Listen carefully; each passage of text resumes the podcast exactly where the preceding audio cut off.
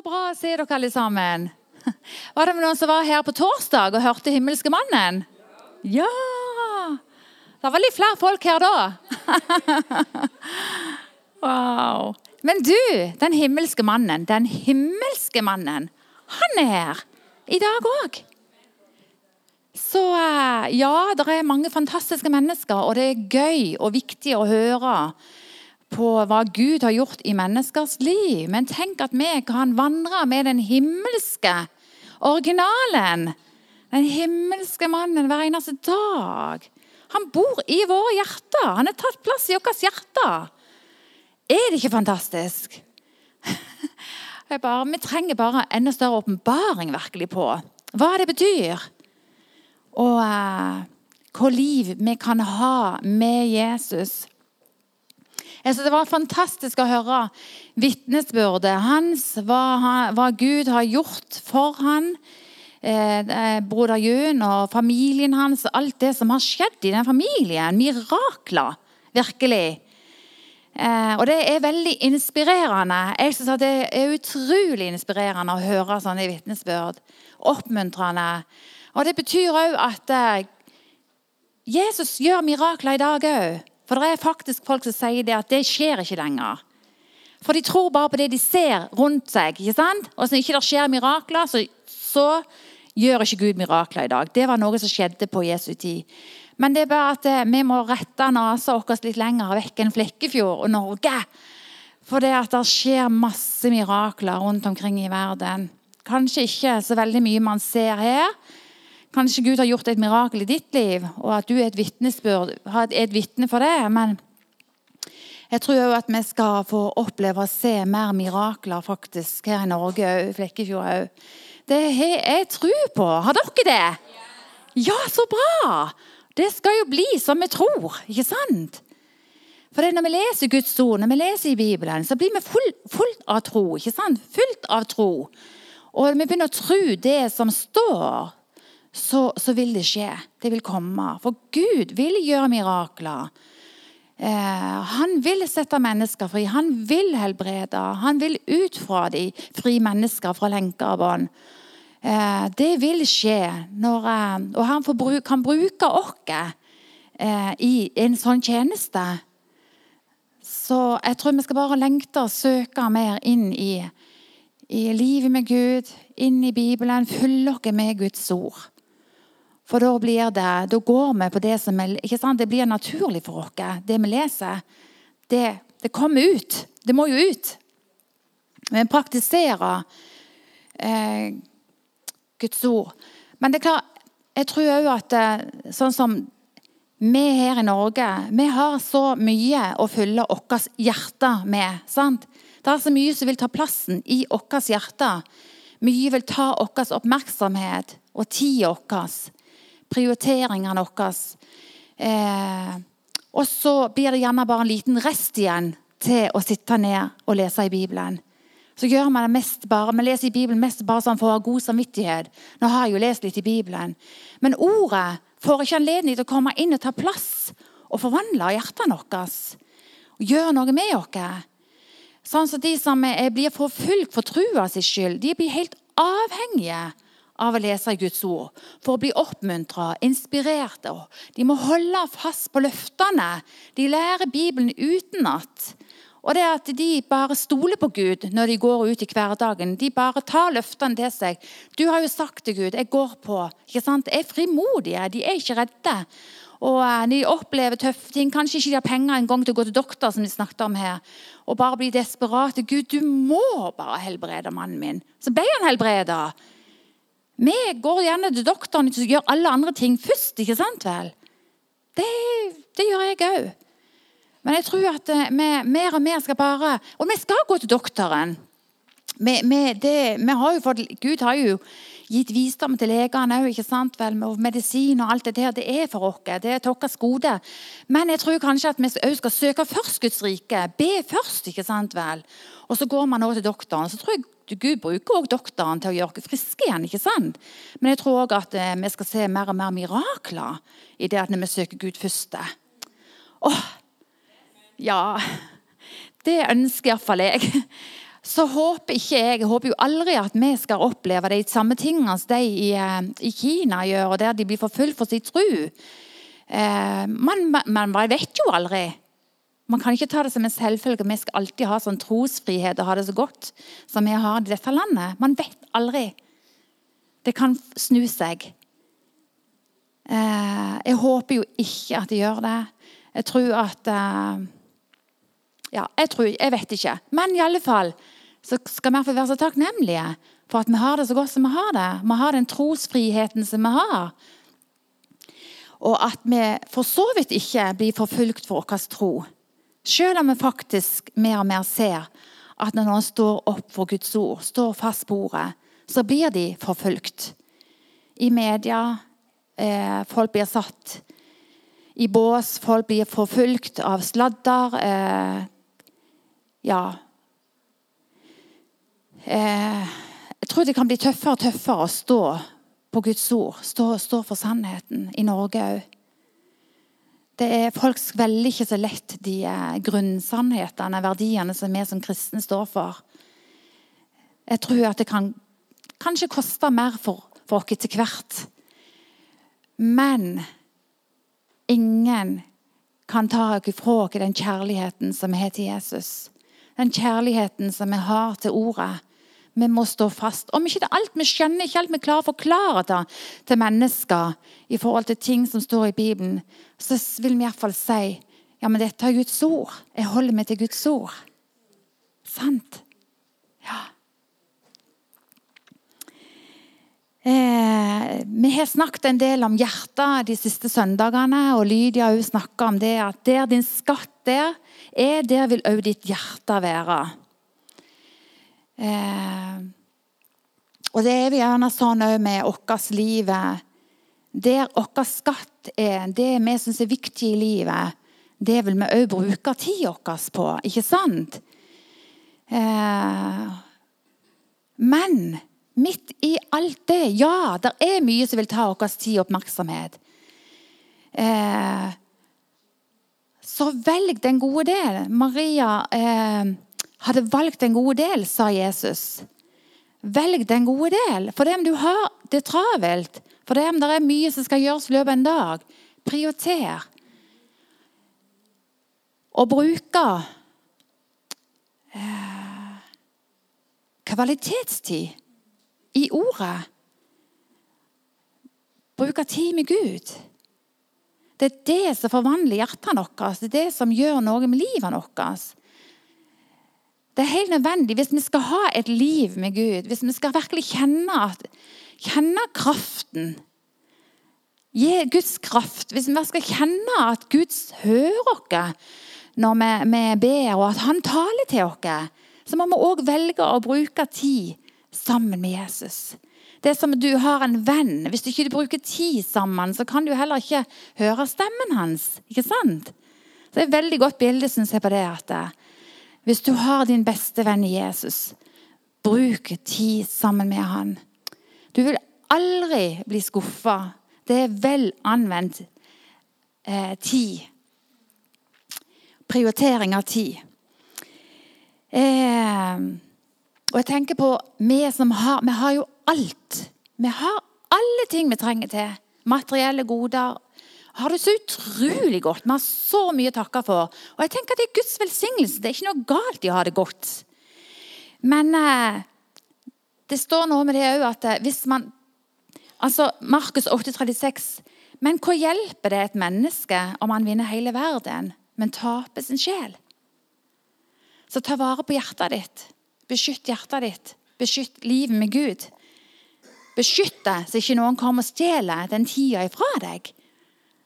Så ikke bekymringer, alle ting som vi er opptatt med, kommer og stjeler den verdifulle stunda som du skal bruke med Gud. Det er en oppfordring, en oppmuntring til deg.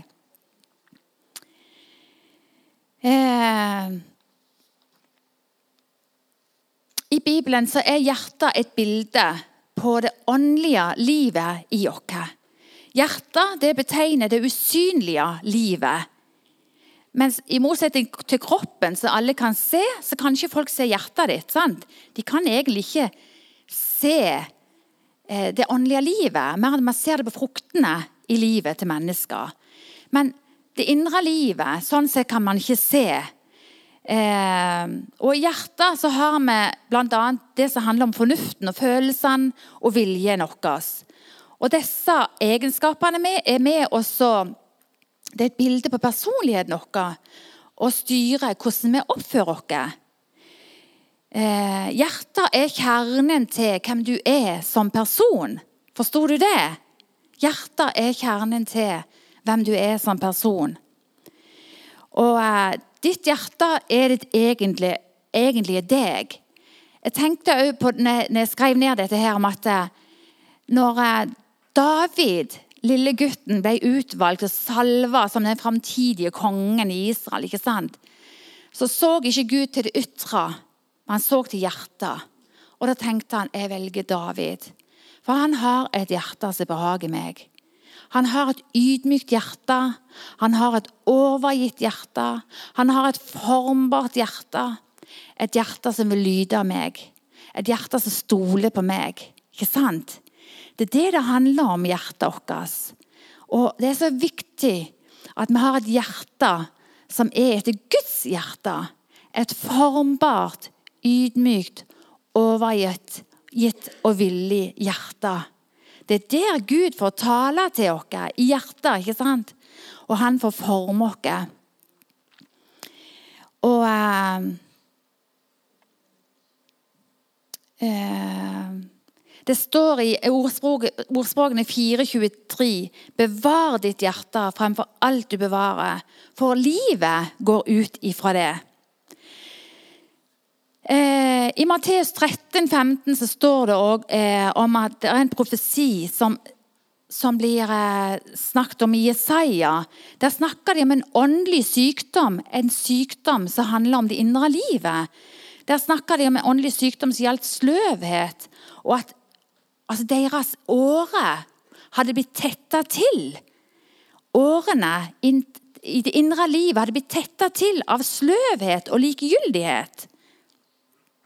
Kanskje eh, de hadde observert hjertet og årene til mennesker eller dyr som døde av en uforklarlig grunn. Så hadde de sjekka årene, så så de at det var tette årene til hjertet.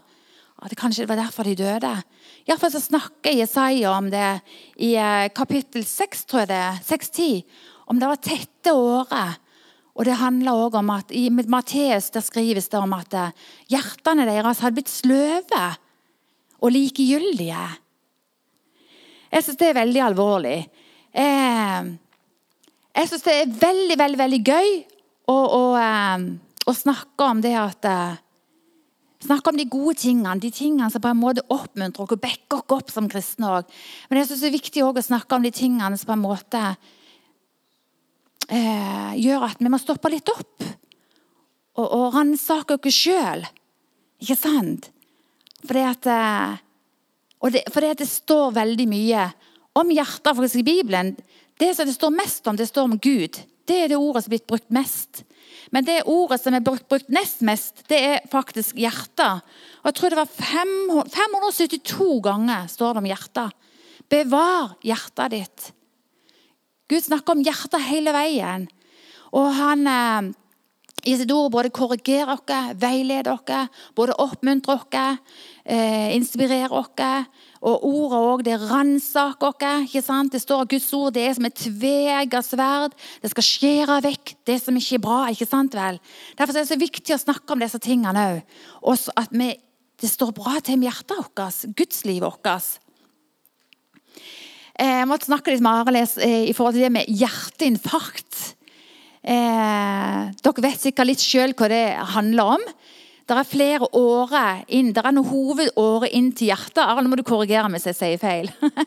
det er flere årer inn til hjertet, ikke sant vel? Og eh, blodet eh, som går rundt i kroppen, som holder liv i oss. Det er det som holder liv i oss. Hjertet pumper dette blodet rundt om i kroppen for å holde liv i oss. Så er det sånn at hvis vi lever et usunt liv Eh, det kan være røyking og masse fett. Det kan være usunn livsstil. ikke sant vel? Man ikke trener, beveger seg.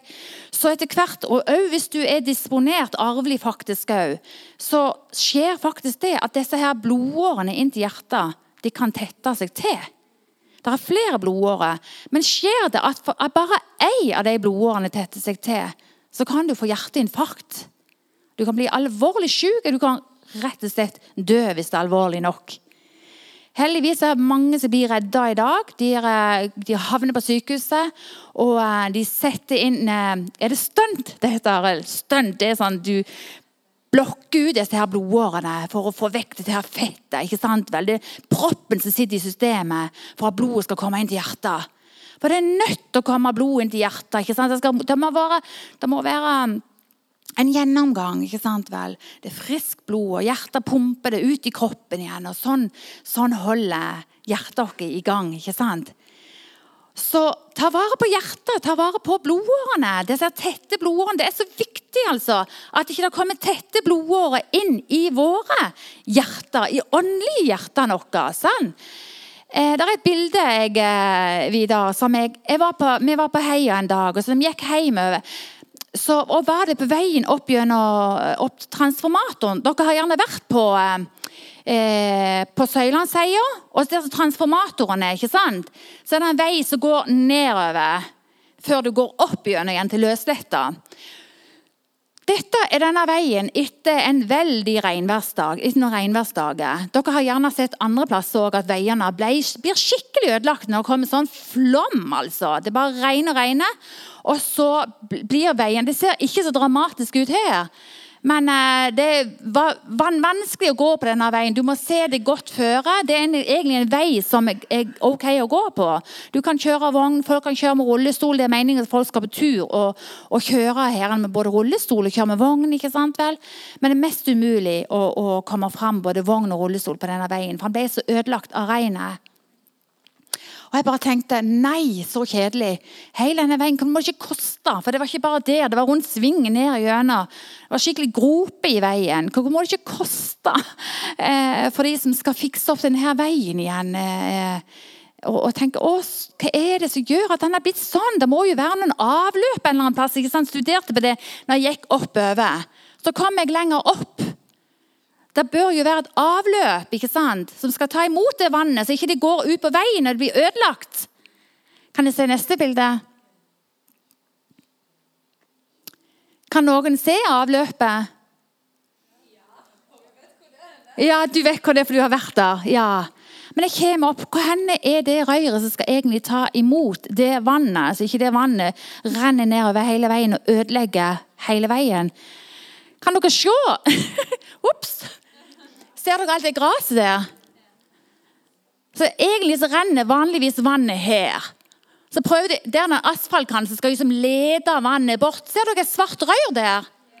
Du ser det så hvitt, men det er jo helt tilgrodd. Jeg tenker herlighet. For på hele den flata utenfor transformatorhuset, så når det regner, så blir det enormt mye vann ikke sant vel, som samles opp. Og så heller det, så skal det renne egentlig ned i det røret der. Men så gjør det ikke det. Det renner nedover hele veien, så blir hele veien ødelagt. Og det Jeg bare tenkte på det. Det talte så til meg. For jeg hadde gått rundt og tenkt på dette her med hjertet i hele stunden. At eh, egentlig så skal vannet inn i det røret, men det var helt tilgrodd, fullt av gras og store grastoster der som dekte foran dette røret. Som gjorde at vannet hadde ingen inngang i dette røret. Og da tenkte jeg på hjertet vårt òg. Det talte så til meg. Noe, jeg sto bare der. Oh, wow, du må ta noen bilder! eller jeg skal ha det med i en tale en gang. Det kom noen folk der. Da jeg måtte jo ha talen for deg, for jeg var så inspirert. og, og de, de, skjønte bildet. De var ikke kristne, men de skjønte det. For det kan vi jo alle skjønne. At hvis det legger seg mye for, på hjertet vårt Det kan være masse sår som har gjort at du har blitt såra og skada. Som òg fører til at du kanskje blir bitter.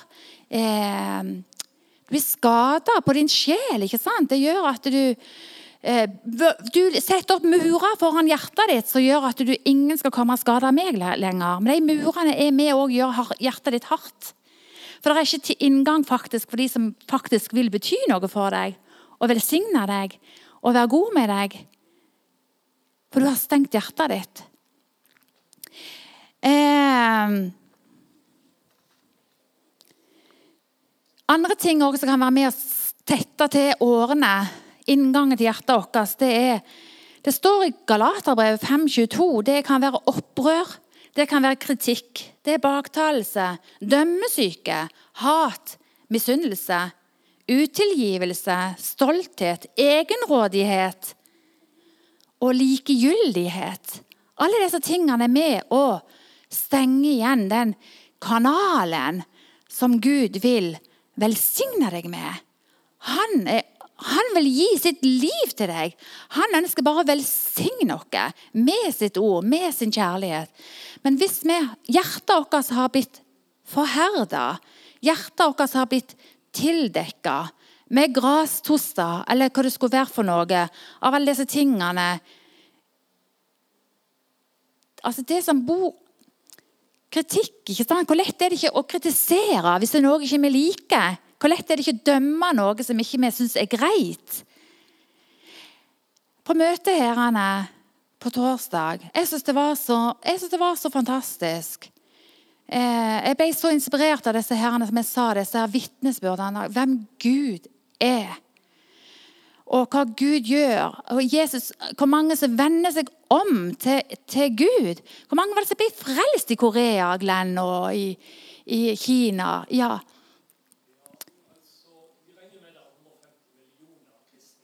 Ja.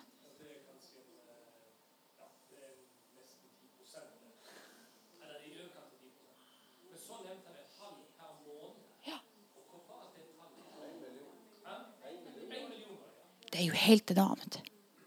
Og jeg blir bare eh, jeg blir bare så ydmyk. Og jeg synes det er så fantastisk hva Gud gjør. Og det skjer rundt omkring i verden. ikke sant? Eh, miraklene som han de hadde opplevd i livet òg. Og så, så jeg var helt sånn Å, Gud er så god.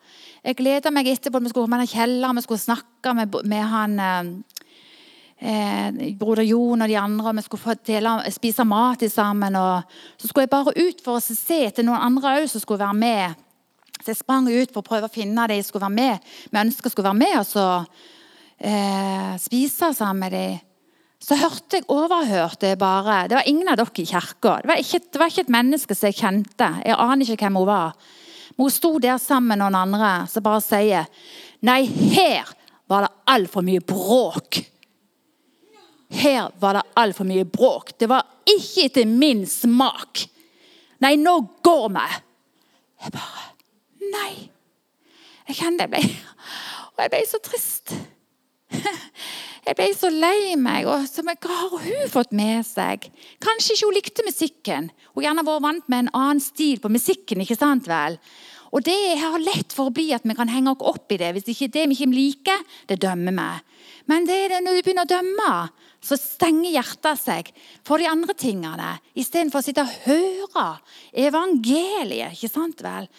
Gud bare bevegde seg. Guds nærvær var så sterkt til stede. Istedenfor å sitte med et åpent hjerte og ta imot av Guds nærvær, Guds velsignelse, bli oppmuntra inspirerte, så hadde hun ikke gjort det. Hun hadde funnet noe som hun ikke likte, og så dømte hun det. Og så kunne du bare høre på den harde stemmen. Ikke sant? Å, hvor farlig det er! Vi kan alle sammen gå i oss sjøl. Det er så fort gjort. Jeg tenker også Mye av det som skjer rundt omkring i verden, av bevegelser, vekkelsebevegelser Mye av det som skjedde i Bettel, i Redding òg. Vi ser og hører, og vi hører også gode nyheter, men vi hører, kan òg høre noen som forteller noe dårlig om det. Hva velger vi å ha øret våre til? Hva velger vi å lytte til?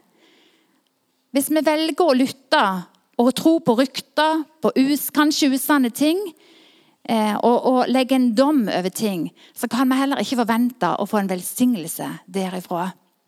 Og så er så farlig, for Gud beveger seg på en, gjerne en helt annen måte enn meg og deg innenfor vår boks eh, vet og kjenner til.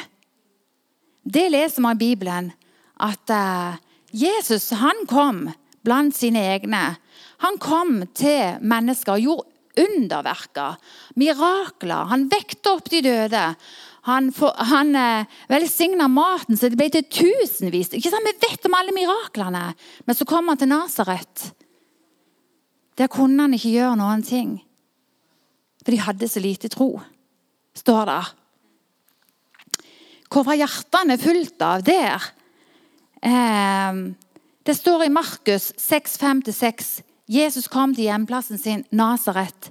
Og han kunne ikke gjøre noen mektig gjerning der, bortsett fra at han la hendene sine på noen få syke og helbrede dem. Og han undret seg over deres vantro. De hadde vantro i hjertene sine. For hvem er Jesus? Vi har jo sett han har vokst opp her.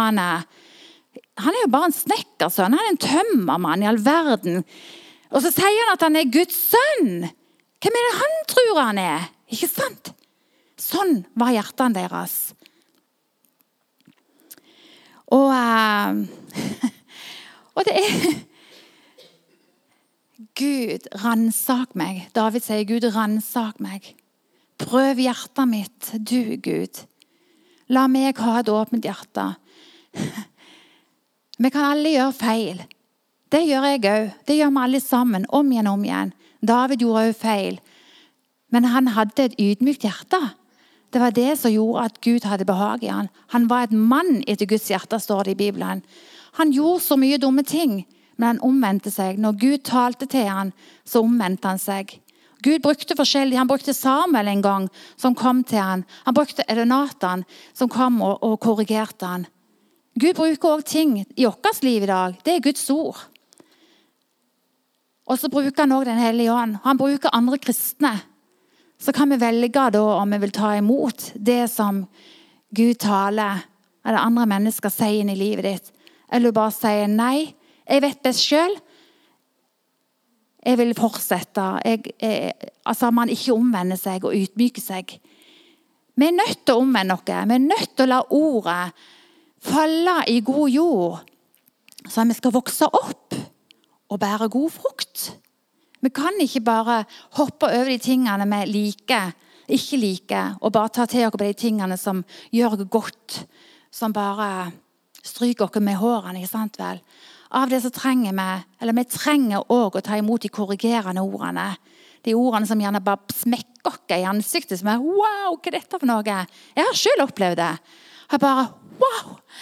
Gud, virkelig finnes dette i mitt hjerte? Jeg kan bli så lei meg. Men så er det bare så godt at uh, Jesus han støyter dere aldri vekk. Han sier det at uh, de stolte, Han har imot de stolte. De, Gud står de stolte imot, men de ydmyke gir han nåde. Han gir nåde til de ydmyke. Så la dere være ydmyke av hjertet. La oss ta en hjertesjekk av og til. Eh, og så må Gud komme med sitt stunt og bare Ja, du kan ha opplevd mange ting som gjør at du oppfører deg sånn som du gjør. Som har et hardt hjerte. Men da må du bare si, 'Gud, jeg gir alt til deg'. Jeg gir hele mitt hjerte. Du ser alt det jeg har i mitt hjerte, av både kritikk, av dom, ikke sant? av, av baktalelse. Alt.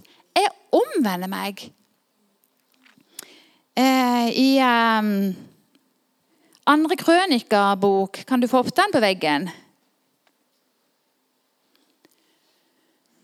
Andre Krønikabok 7, 14-15. Hvis da dette folket som med mitt navn er nevnt over, ydmyker seg og ber og søker meg og vender seg bort fra sine onde veier, skal jeg høre på dem fra himmelen. Jeg skal tilgi dem synden og lege landet. Nå vil jeg holde øynene åpne, åpne og ørene vendt mot hver bønn som stiger opp fra dette stedet. Når vi ydmyker oss og vender om, da vil han høre bønnene våre. Han vil høre hver en bønn som vi ber. For et løfte! For en sannhet! Uh, I Jakobs 4, Jakob brev 4, 11-12 så står det ikke snakk negativt om hverandre. Den som snakker nedsettende om en kristen bror eller søster eller dømmer andre, setter seg selv over Guds lov. Vi må bevare hjertene våre. I Markus 4-3 så står det om såmannen. Kapittel 4, vers 3. Hør, se en såmann gikk ut for å så. Og det hendte da han sådde, at noe av såkornet falt i veien, og himmelens fugler kom og spiste det opp. Noe annet falt på et steingrunn hvor det ikke var mye jord. Det spirte snart opp siden det ikke hadde dyp jord. Men da solen steg, ble det avsvidd, og siden det ikke hadde rot, visnet det bort. Og noe annet falt blant tårner, og tårnene vokste opp og kvalte det. Og det ga ingen avling. Men noe annet falt i god jord, og det spirte fram og vokste og ga frukt. Noe 30 fold, noe 60 og noe 100. Eh, for oss, han, Jesus forklarer lignelsen ut i vers 13. Forstår dere denne lignelsen om hvordan dere skal få eh, Ja, her står det vers 14. Såmannen sår ordet. Så det er ordet som blir sådd ut langs veien. Og det står at eh, fuglene kommer og spiser det opp. Det handler om at det ordet som blir sådd ut, som kanskje ikke du forstår Du hører et ord, du leser et ord, og så går du av gårde og så glemmer du det vekk, for du forsto det ikke. Hvor viktig er det ikke da at vi kanskje snakker med hverandre i husgruppa eller en venn du har? Hva menes det egentlig med det som står her? Anne? At når vi samles, så snakker vi om ordet. Sant? Men altså, vi forstår det, sånn at det får falle ned i god jord og så vokse fram. Eh, og Det står òg at noe av såkornet havna blant steiner der det ikke var mye jord. Tok, de tok raskt imot ordet, og det spirte fram. Men pga. at det ikke var så mye jord, når sola kom, så ble det svidd, og så døde det. Det handler om det at når vi møter prøvelser og forfølgelse for ordets skyld, så holder vi ikke ut. Vi må, som jeg snakka om i stad, kanskje regne med at vi blir prøvd på det. Ja, men det står jo i Bibelen om abort. Det står om alle disse tingene som ikke vi egentlig liker å snakke så høyt om. ikke sant? Eh, Likekjønn ekteskap, alle disse tingene. Eh, vi, det er så mange ting som vi blir eh, på en måte konfrontert med nå som kristne. Ja vel, så bøyer vi heller av. Det er egentlig ikke så farlig med det. Uff, det var ubehagelig å snakke høyt om det. ikke sant? Så bøyer vi av. Eh, og så svikter vi egentlig ordet.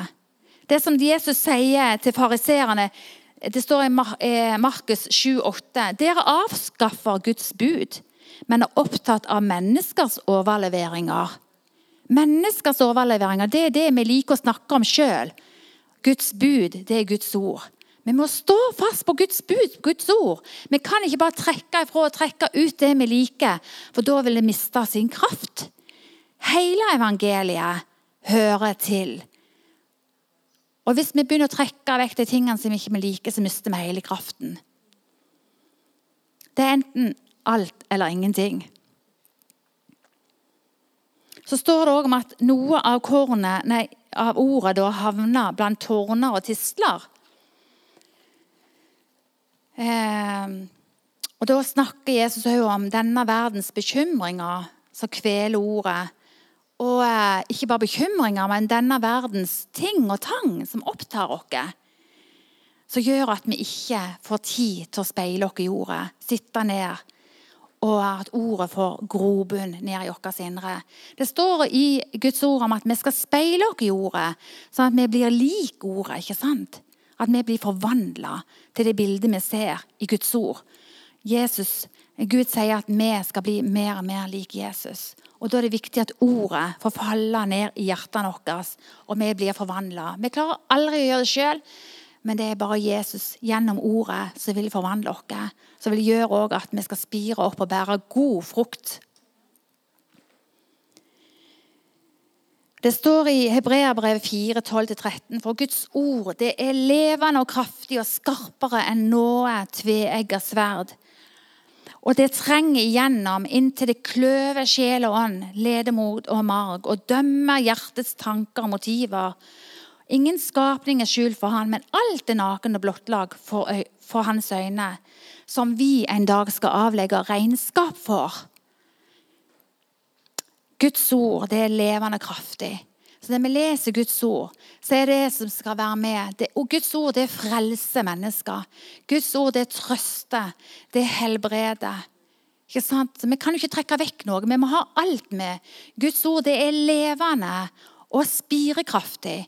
Det helbreder. Og det gir oss alt det vi trenger til for at vi skal ha et liv i funksjon. Et levende liv, et pulserende liv. Eh, og det er med å holde dere. Guds ord det holder dere på veien. Guds ord det er en lykt for min fot og en lys for min sti. Så hvis vi vil gå på den stien som fører inn til Guds hjerte, så må vi følge oss med Guds ord og bli rettledet av Guds ord. Bli korrigert av Guds ord. Bli trøsta av Guds ord. Bli oppmuntra. Ikke sant? Ja.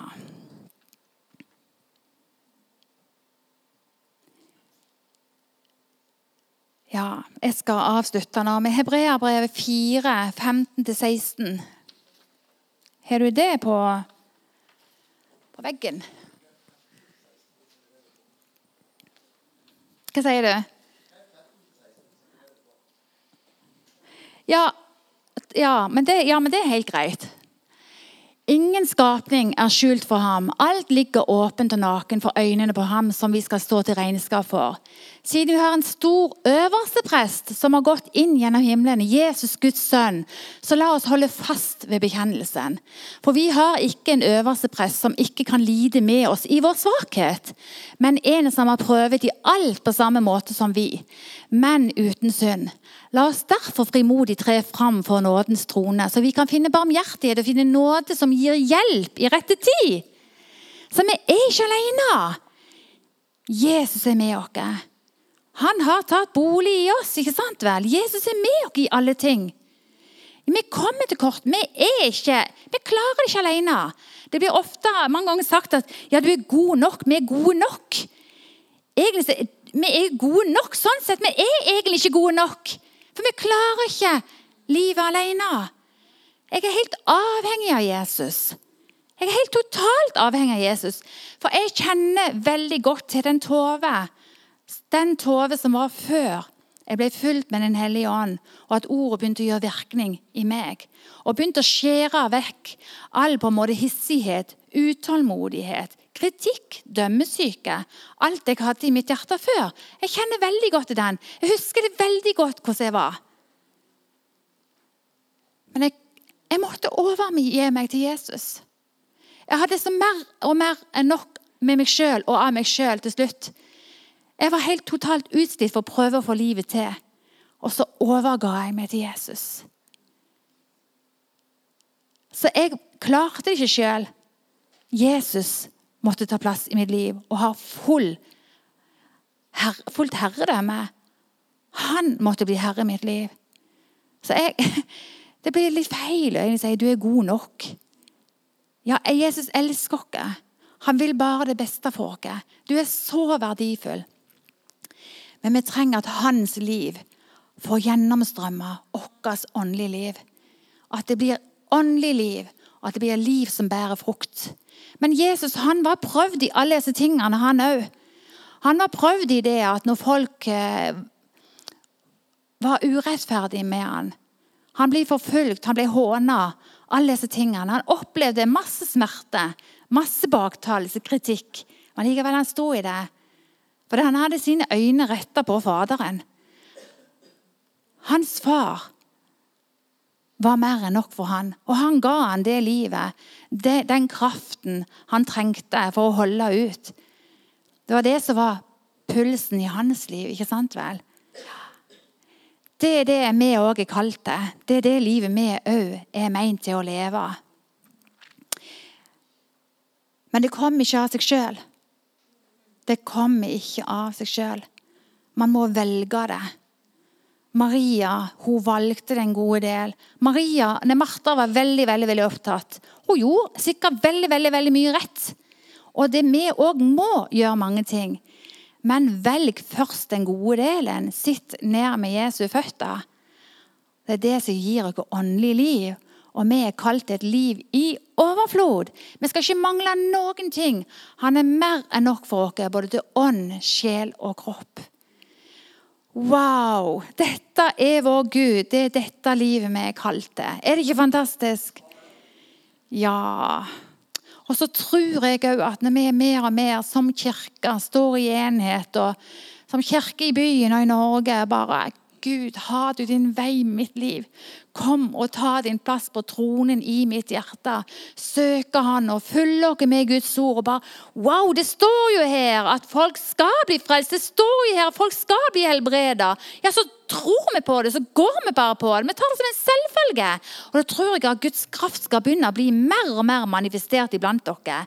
At Guds rike skal gå ut over jorda her òg. Jeg tror vi må begynne å handle på det før vi på en måte må oppleve forfølgelse og tøffe ting i vårt liv. Ofte så er det sånn faktisk at vi må oppleve kjempetøffe ting i vårt liv før vi bare vender hele hjertet vårt. Gud, nå er det ingen andre plass jeg kan få hjelp eller svar. Jeg bare Gud, hvor er du henne? Jeg håper vi kan slippe det. Og at vi gir et helt hjerte til Jesus her og nå fordi vi har det godt. Gud velsigne deg i dine valg i hverdagen. Han bor i ditt hjerte. La han ha førsteplassen i ditt hjerte. Å, Jesus, så må du bare komme og ha din vei med vårt liv, Herre. Takk, Jesus, for at eh, du åpna en vei inn til vårt hjerte, mellom oss og Gud så vi kan ha et pulserende liv. Takk for at du har gitt oss Den hellige ånd. Takk for at du bor i vårt hjerte ved vår tro. Hjelp oss til å prioritere rett. Hjelp oss til å ta imot ordet. Hjelp oss til å rense hjertene våre, til å vende om fra de tingene som legger seg som en blokade på vårt hjerte. Rens du oss. Å, Jesus. Takk for at du bare Du har sagt når vi ydmyker oss om omvender oss, så vil du komme. Og du vender deg aldri vekk ifra oss. Du står alltid med åpne armer. Må du velsigne den enkelte. Om det er noen som kjenner her på at 'dette traff meg', og 'dette må jeg bare gjøre noe med'. Takk for at du ser til et villig hjerte. Må du bare velsigne den enkelte, Herre. Og styrke den enkelte i deres hverdag, i deres utfordringer. Takk for at du er med. Du er prøvd i alle ting, men du synder aldri. Og takk for at det er faktisk et liv som vi òg kan mer og mer leve i når du får en større og større plass i vårt liv. Takk, Jesus, for at du er her. Takk for at du eh, skal være med den enkelte hjem. Velsign de og deres familier, deres hverdag. Amen.